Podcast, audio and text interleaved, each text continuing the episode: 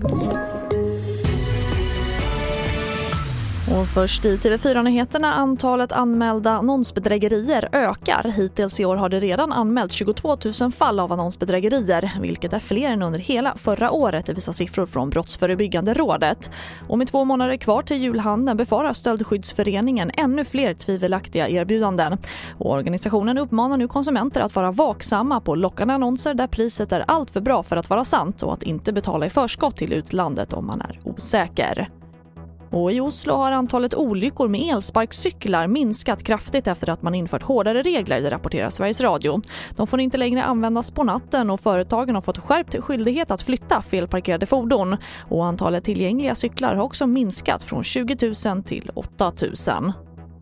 Och just nu skrivs högskoleprovet runt om i landet. Nästan alla 40 000 platser till provet är bokade. Men på grund av pandemin får även i höst bara personer över 19 år skriva provet. Yngre personer måste ha gått ut gymnasiet för att få delta.